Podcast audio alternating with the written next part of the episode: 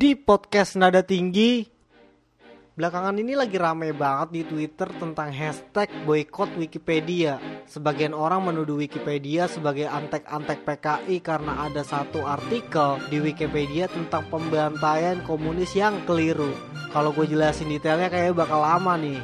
Yang pasti intinya artikel itu bilang kalau Soeharto adalah dalang di balik pemberontakan tahun 65 sampai 66 dan PKI adalah korbannya. Ya, memang bener artikel itu murni propaganda. Tapi bukan berarti Wikipedia itu antek-antek komunis, tolol. Yang mesti lu tahu Wikipedia adalah suatu platform yang memiliki sistem open source, goblok. Semua orang bisa mengakses, merubah, menambahkan apa pun yang ada di dalam artikel itu, Nora. Piccolo mau merubah fakta pempempe berasal dari planet Namek? Bisa.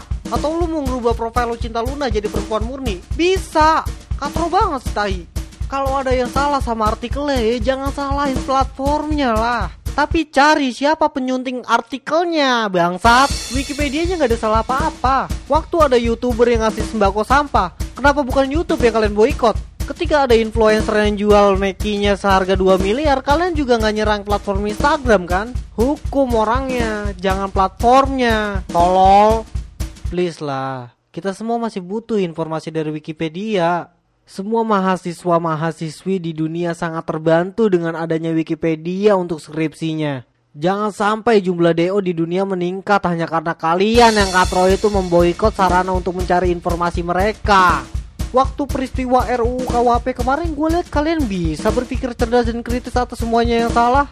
Kenapa sekarang malah jadi sumbu pendek? Upgrade lah otakku yang limit trial itu jadi premium. Jangan Tinder doang yang premium. Tolol.